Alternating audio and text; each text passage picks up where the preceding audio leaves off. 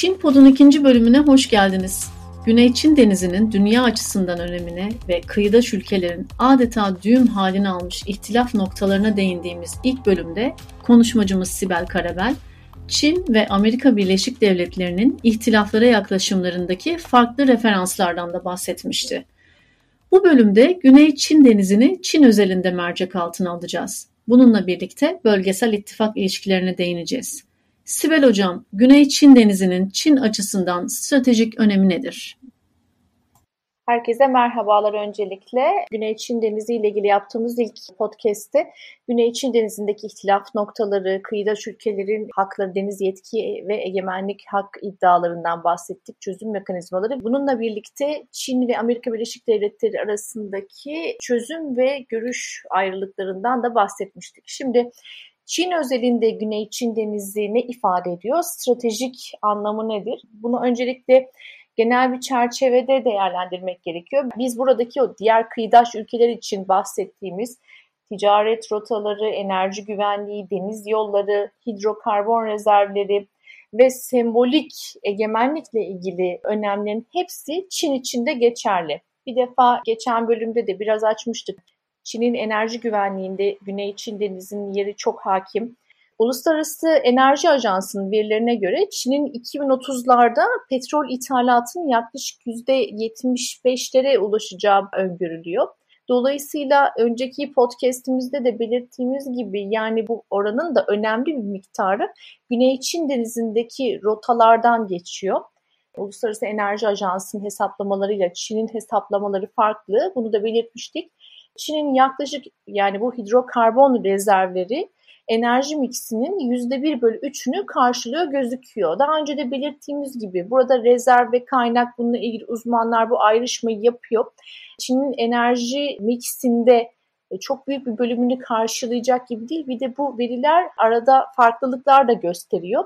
Ama enerji güvenliği, enerji rotası ve de ticaret açısından çok önem arz ediyor. Yıllık değer olarak 5 trilyon dolarlık bir ticaretin buradan Güney Çin Denizi'nden gerçekleştirildiğini göz önünde bulundurursak Çin için e, enerji güvenliği, ticaret rotaları ve deniz yollarının hakimiyet açısından ne kadar önemli olduğunu da görmüş oluyoruz. Bir diğer önemli durumda öncelikle belirttiğimiz gibi derin deniz yani 4000 metrelik derin deniz ve bunun stratejik anlamları da var. Çin'in özellikle askeri modernizasyonu ve donanmasına verdiği önem de göz önünde bulundurulursa bu derin denizlerde yapılabilecek örneğin denizaltıların çok rahat manevrası ile ilgili ve farklı denizaltılarının manevra kabiliyetini arttıracak stratejik önemi olduğunu da biliyoruz.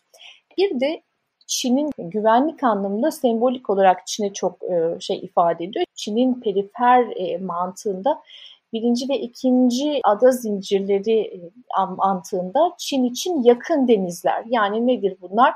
Bohai Denizi, e, Sarı Deniz, Doğu Çin Denizi ve Güney Çin Denizi. Yani Çin'i bir nevi Çin'in bu e, kıyılarını koruyan yani burayı korumuş olmakla Çin bir nevi kıyı bölgelerini de koruma altına almış oluyor. Çin için bir korunma alanı açıyor. Burada az önce belirttiğimiz bu derin deniz mantığıyla yani Sarı Deniz ve Doğu Çin Denizi ile Güney Çin Denizi kıyaslanamayacak derecede derin sulara sahip. Bu anlamda Çin içinde e, anlamı az önce ilişkilendirdiğimiz noktalarla anlamı daha da artıyor. Birinci podcast'te saydığımız balıkçılıkla ilgili ve deniz ürünleriyle ilgili Güney Çin Denizi'nin son derece bereketli olması Asya'nın beslenme alışkanlıklarıyla da doğru orantılı. Bunun tamamıyla bütünü Çin içinde geçerli. Bunun dışında çok fazla mevzu edilen Çin'in burada ada ve adacıkların statülerini değiştirmeye yönelik yani buradaki belirli kayaların sığlıklardaki belirli yeryüzü şekillerini ada ve adacık haline dönüştürmeye çalışması ve bununla ilgili yapılanlar çok fazla. Şimdi burada e, Çin'le birlikte Vietnam, Filipinler ve hatta Malezya'da arazi genişletme e, çalışmalarında bulunuyor ama Asya'da hani çok ve Güney Çin Denizi'nde, Doğu Asya'da hatta Asya'da en çok öne çıkan aktör Çin'den bahsediliyor. Hakikaten burada Çin küçük yeryüzü şekillerini arazi genişleterek bir ada statüsüne dönüştürüyor. Şimdi bunun çok fazla stratejik e, anlamı var. Birleşmiş Milletler Deniz Hukuku Sözleşmesi'nin bir ada tanımı var. Adalar aslında kendi başına bir şey ifade etmiyor. Ama burada bir habitasyon olması gerekiyor ve kayaların buradaki yeryüzü şekillerinin kendilerine ait bir münhasır ekonomik bölge, bir kıta sahanlığı gibi oluşumları yok. Buradaki farklı yeryüzü şekillerinin Birleşmiş Milletler Deniz Hukuku Sözleşmesi'nin bir ada tanımı var. Gel gitti sular üzerinde e, durabilecek ve de etrafı sularla çevrili kara, parçası. Şimdi bu bunun adaya çevrilmesinin stratejik anlamı var. Buraya asker yığınağı yapmanın stratejik anlamı var.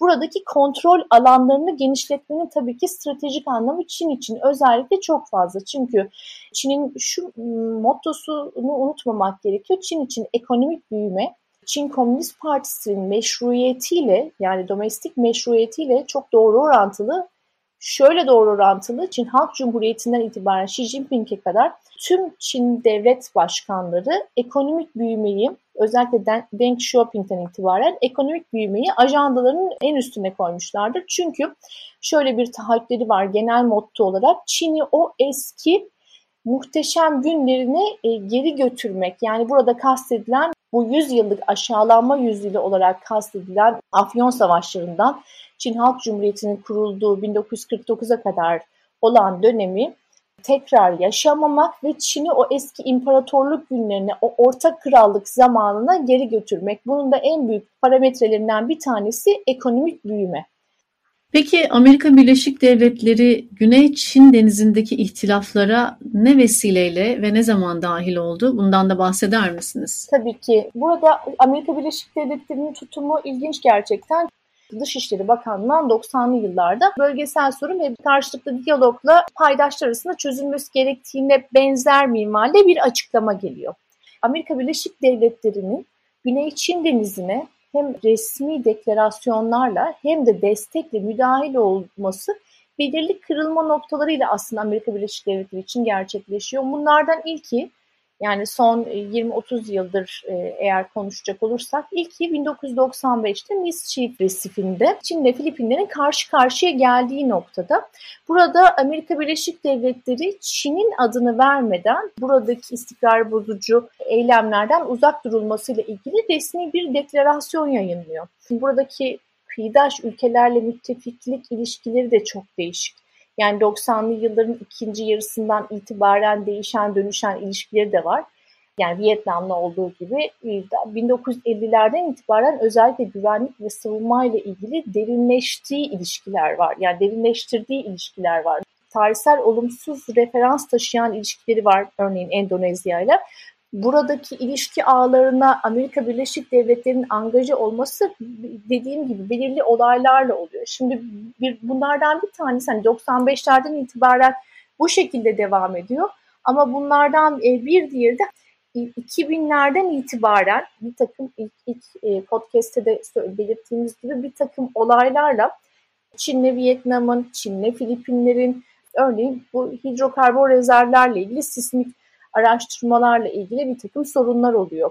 Amerika Birleşik Devletleri için en oyun değiştirici olaylardan bir tanesi 2008'de Vietnam'ın kıyılarının açıklarında USNS Impeccable bir sismik araştırma aracı Çin tarafından tartaklanıyor tabiri caizse ve bu Amerika Birleşik Devletleri için buraya daha fazla angaja olma ihtiyacını doğuruyor.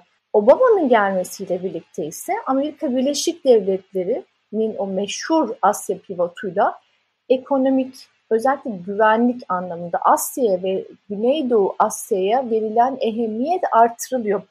Şöyle denilebilir, artık Amerika Birleşik Devletleri yani bu tarihlerden itibaren Güney Çin Denizi ile ilgili daha çok yorum yapmaya ve resmi deklarasyonlarında Çin'i burada bir tehdit unsuru olarak göstermeye başlıyor. Bu ilginç. Obama'dan itibaren Obama'nın işte ikinci döneminden itibaren başlayan bu geleneği biz Trump yönetiminde özellikle Mike Pompeo'da ve Biden yönetiminde çok net bir şekilde görüyoruz. Yani daha önce Güney Çin denizindeki ihtilaf çözümünde Amerika bölgesel sorun olarak nitelendirirken Çin'in artan gücü, ekonomik gücüyle birlikte e, özellikle askeri modernizasyonu ve donanmasıyla ilgili yaptığı atılımlar ve burada giderek daha fazla e, Amerika için e, dönüştürücü etmenlerden bir tanesi de 2009'da Malezya ile Vietnam'ın Birleşmiş Milletler Komisyonu'na kıta sahanlığı münhasır ekonomik bölgeleriyle ilgili haklarını tekrar daha fazla kendilerinin lehine arttıran bir önergeye Çin nota veriyor. Ve Çin bu notada 2009'da o meşhur 9 kesik çizgili demarkasyonunu da buraya ekliyor. Şimdi Amerika Birleşik Devletleri için hani böyle zillerin çalmaya başladığı noktalar çünkü bu artık Çin için, Çin'in bu iddiası bütün artan gücüyle birlikte burada yaptıkları ve iddiasını uluslararası kurumlar ve bu platformlarda dillendirmesi Amerika Birleşik Devletleri için aslında katalizör bunlar arasında. Belirli noktalardaki olaylar var. Bunlardan bir tanesi de 2012'de Scarborough sığlığında yine Çin'le Filipinlerin karşı karşıya gelmesi. Burada Amerika Birleşik Devletleri Filipinlere e, askeri destek veriyor. Filipinlerin sürdüğü gemilerden bir kısmı da Amerika Birleşik Devletleri'ne ait. Obama döneminin Asya pivotu tabii ki önemli. Çünkü buradaki müttefiklik ilişkileri tekrar organize edilmeye çalışılıyor. Hem asker, özellikle askeri ve güvenlik anlamında dediğim gibi. Bir, şimdi burada bir ASEAN tarafı da var. Önceki podcast'te de belirttik. Kıyıdaş ülkelerin, hak iddia edilen ülkelerin dört tanesi ASEAN üyesi. İlk kez Obama'nın davetiyle ASEAN tarihinde ilk kez 2016'da ASEAN zirvesi Kaliforniya'da gerçekleştiriliyor. Şimdi bu 2012'deki bu olayla da ilişkilendirilebilir.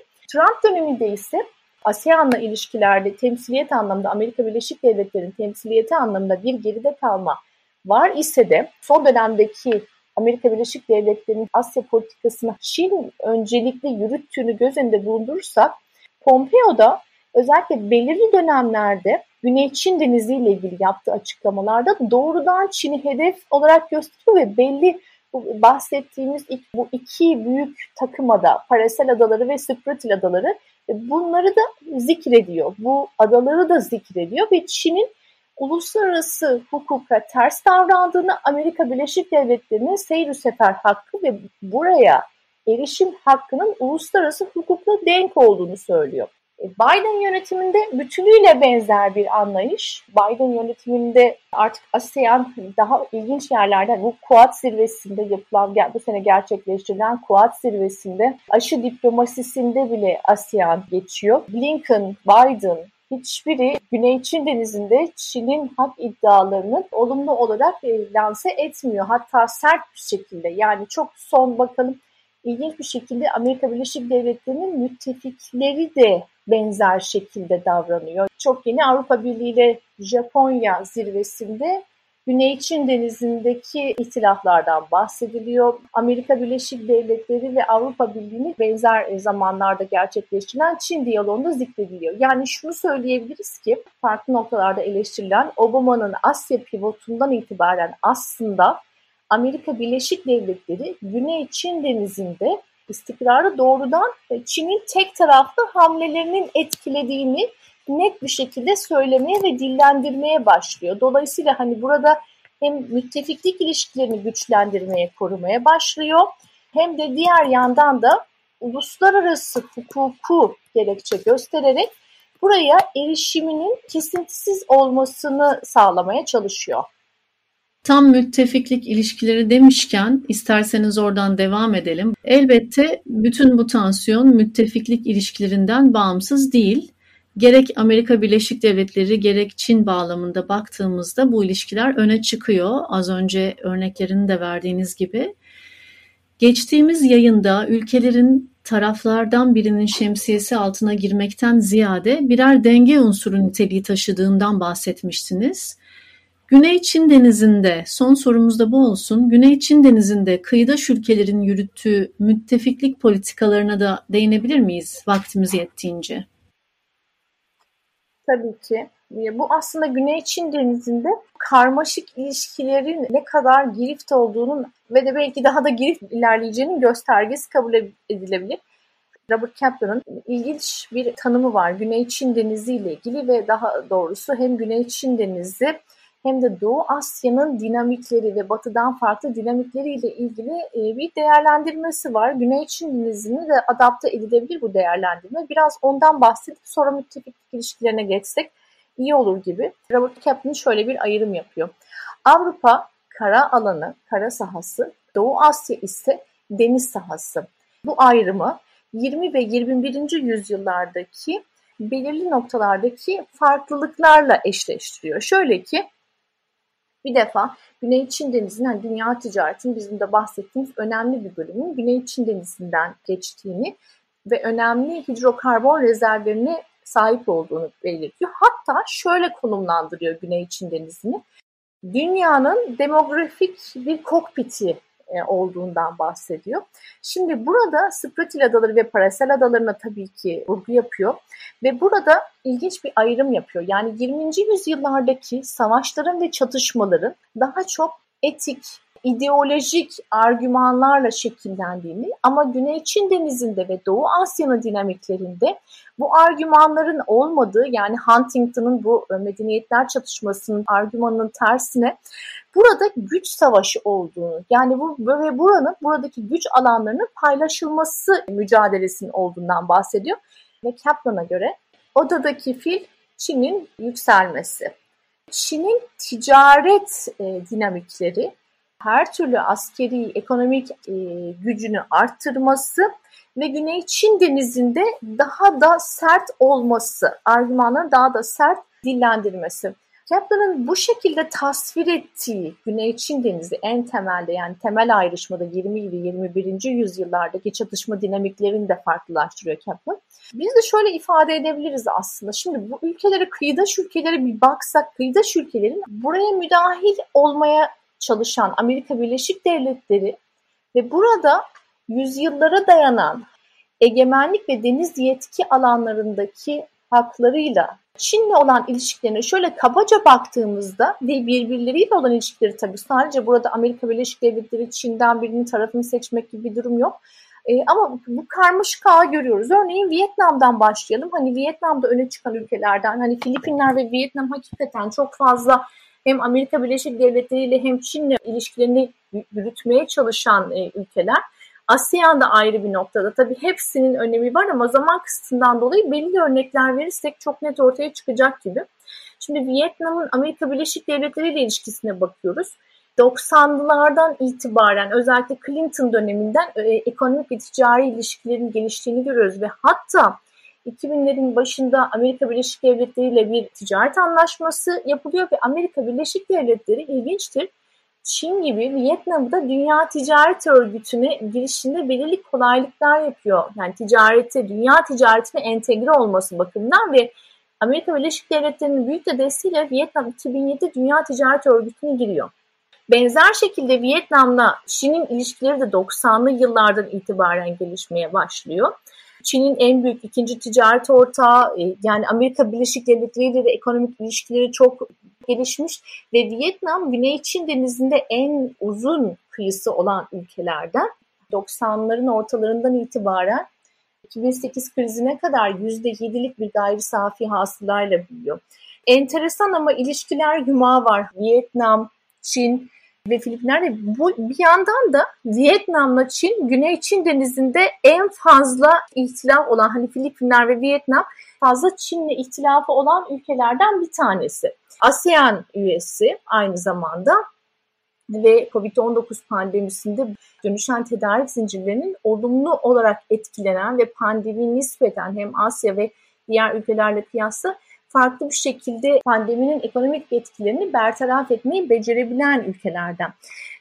Çin'le ilişkiler bu şekilde, Vietnam'la ilginç bir şekilde Vietnam'la Çin ilişkileri hani 2010'lar gibi 2010'larda Vietnam'la ve Çin'in hani en bariz böyle karşı karşıya geldiği noktalarda ekonomik ilişkilerinin en iyi olduğu dönemler olduğu görülüyor. Obama'nın Asya pivotu döneminde Vietnam'ın e, Cam Ranh Körfez Limanı'nda Amerika Birleşik Devletleri donanmasına tahsis edilebiliyor. Buna bir de RCEP, bölgesel çok kapsamlı ekonomik ortaklık böyle bir anlaşmayı da ekleyelim. Burada 10 tane ASEAN ülkesi var. Japonya, Güney Kore, Çin var ve devasa bir ekonomik blok oluşturulmuş oluyor. Güney Çin denizinde ihtilaflar var. Şimdi bu ağda kimi nereye konuşlandırırsınız? Burada biraz şey gibi gözüküyor. Vietnam hakikaten bir denge gözetmeye çalışıyor. Ekonomik büyümesi var. egemenlik hakları sorunları var. Burada bir Amerika gerçeği var. Amerika'nın 7. filosu da burada. Ve şöyle diyelim yani Amerika burayı sadece güvenlik anlamında önem tahsis etmiyor. Burada yıllık 5 trilyon dolarlık hani senelik ticaretin 1 trilyon doları da Amerika Birleşik Devletleri ile. Dolayısıyla bu sayılan inisiyatifler, bu sayılan Güney Çin Denizi'nin vaat ettiği, sunduğu olanaklar Amerika Birleşik Devletleri için de tabii ki geçerli. Vietnam'da bu şekilde, Endonezya ile bu arada şunu da belirtmek gerekiyor. Çin'den bahsediyoruz. Çin'in donanması, işte askeri bütçesi artıyor ama Filipinler, Vietnam, Malezya hepsi özellikle 2000'lerin e, ikinci yarısından itibaren askeri bütçelerini ciddi oranda arttırıyorlar. Bu arada şunu da söylemek gerekiyor. Vietnam'da, Endonezya'da, Filipinler'de 2000'lerden itibaren ASEAN, Birleşmiş Milletler Komisyonu gibi organlarla bu sorun yumağını uluslararasılaştırmaya gayret gösteriyorlar. Yani çok taraflı platformlarda dillendirerek Çin'e karşı bir noktada daha fazla belki e, hak iddia etmek, daha fazla müttefik toplamak ve uluslararası hukukta çözmeye de böyle bir gayretleri olduğunu da söylemek gerekir. Ama ilginç bir nokta Çin'in genelde kendi periferindeki sorunlarla ilgili bakış açısı diplomatik çözüm ise bile ikili olarak ya da kim sorunun içinde dahilse onunla birlikte çözmek mümkün olduğunca çok taraflı e, platformlara taşımamak gibi bir meyli olduğu da söylenebilir. Şimdi Vietnam'dan sonra biz biraz Endonezya'ya bakalım. Endonezya'da benzer şekilde hem bir anlamda dengeleme hem bir anlamda da kendi güvenlik nosyonunu güçlendirmeye çalışıyor. Şimdi bir defa Endonezya'nın belli rezervleri var. E, bu rezervlerden bir tanesi tarihsel olumsuz nosyonlar taşıdığı belirli noktalarda gayet temkinli. O yüzden hani Endonezya'nın güvenlik doktrini iki kıyı arasında kürek çekmek başlığı bu şekilde. Dolayısıyla güvenliğini mümkün olduğunca güvenlikle ilgili buna sadece silah e, ticareti değil hani güvenlik anlaşmaları ikili olarak ya da çok taraflı olarak silah ticaretiyle ilgili ya da savunma ile ilgili doktrini genellikle tek tarafa yönelme değil, e, gayet çeşitlendirmeye çalışmaktan geçiyor. Şimdi burada şöyle bir durum var. Vietnam için de geçerli bu. Endonezya bu bağlamda, bu çeşitlendirilmiş güvenlik anlayışı bağlamında Rusya'dan da silah temin ediyor. Şimdi Amerika Birleşik Devletleri'nin o meşhur katsası aslında e, Endonezya ve Vietnam için de geçerli. E, Blinken'ın bu geçici güvenlik belgesi Vietnam'ın da ismini zikrettiği Vietnam tarafından çok olumlu karşılanıyor. Fakat şu da söyleniyor, Vietnam her zaman bu katsanın kendisini ne zaman vurup vurmayacağı noktasında da emin değil. Dolayısıyla Amerika Birleşik Devletleri hem tarih, tarih de var tabii yani tarihsel bagaj taşıyan ülkelerden bir tanesi de Vietnam hem de Amerika Birleşik Devletleri'nin hani ne derece buraya önem atfedip nasıl kendi çıkarlarını, menfaatlerini korumaya çalışacak noktasındaki soru işaretleri bu iki ülke için son derece temkinli olmayı sebep oluyor. Çin için de aynı şeyleri, hassasiyetleri duydukları söylenebilir. Çin hegemonyasında bir Güney Çin denizi tabii ki hiçbir kıyıdaş ülkenin istemeyeceği bir şey. Sadece deniz yetki alanları açısından değil, egemenlik hakları açısından da hiçbir ülkenin tercih edeceği bir durum değil. Ama Çin'le ilişkilerini de iki ülke içinde yani Endonezya ve Vietnam içinde dengelemeye çalıştıklarını söyleyebiliriz. Endonezya, Güneydoğu Asya'da çok büyük bir ülke. Coğrafyası, ekonomisi, nüfusu, nüfus dağılım bakımından önemli gayri safi hasılası, önemli bir ülke Endonezya. Vietnam'da o orta ölçekli önemli bir ülke olarak sayılıyor Güneydoğu Asya'da. Endonezya'da şunu da söylemek gerekiyor. Endonezya doğrudan dahiliğin birinci podcast'te bahsettiğimiz Natuna adalarından ötürü Endonezya'nın hak söylemleri var ama şöyle bir durum var. Çin'in 9 kesik çizgiyle yaptığı demarkasyon Endonezya'nın hak iddialarıyla çatıştığını Endonezya sürekli olarak belirtiyor. Fakat bununla ilgili şöyle bir durum var. Natuna adalarındaki haklarıyla ilgili 9 kesik çizgili demarkasyonun herhangi bir şekilde çatışmayacağına dair ara ara Çin'den garanti alıyor. Dolayısıyla bunu çok yük, evet dillendiriyor. Hiçbir şekilde yani haklarından vazgeçmiş değil. Ama Endonezya'da bu anlamda örneğin Filipinler gibi çok daha vokal olmadığı durumlarda olabiliyor. Yani burada bir örnek de vermek gerekir. Aslında Çin'in artan ilişki ağında iki önemli örnek var. Hani sessiz bir ülke Brunei, ASEAN üyesi Brunei. Diğer ülkelere nazaran, kıyıdaş ülkelere nazaran hakları çok daha naif kalıyor hakikaten. Münhasır ekonomik bölgesinde kendisinin belirli hak iddiaları var. Kaplan'ın da dediği gibi burası bir güç savaşı olarak eğer tanımlıyorsak tabii ki farklı bakış açılarından farklı şekilde tanımlanabilir. Bu daha realist bir okuma belki. Burada daha küçük ölçekli bir ülke olması, Çin'le olan ekonomik münasebeti, belki biraz daha sessiz hakkını talep etmeye çalışıyor, haklarını talep etmeye çalışıyor diye yorumlanmasına sebep olabilir. Brunei burada önemli bir ayrım. 2016'da Çin'in Güney Çin Denizi'ndeki haklarıyla ilgili Laos ve Kamboçya ile birlikte bu hakların tanıdığı bir konsensü vardı ilan ediyor. Bu ne demek? Çin'in bu dokuz kesik çizgili demarkasyonunu tanıyoruz. Belki de zımni olarak bu anlama gelebilir. Şimdi aslında bu Çin'in etkisiyle de alakalı. Şunu da söylemek gerekiyor. 2012'de Scarborough sığlığındaki Çin ve Filipinlerin ve Amerika'nın da doğrudan da müdahil olduğu hem deklarasyonla hem de lojistik destekle doğrudan müdahil olduğu yani ciddi şekilde bir karşı karşıya gelmeden sonra ASEAN'da 2012'deki ASEAN zirvesinde Filipinliler zirvenin ortak deklarasyonunda Güney Çin Denizi'nin yer alması konusunda ısrarcı oluyor. O dönemde dönem başkanlığı Kamboçya'da ve Çin'in etkisiyle Kamboçya bunu reddediyor ve ASEAN tarihinde ilk defa bir ortak deklarasyon, bir zirveden sonra ortak deklarasyon yayınlanmıyor.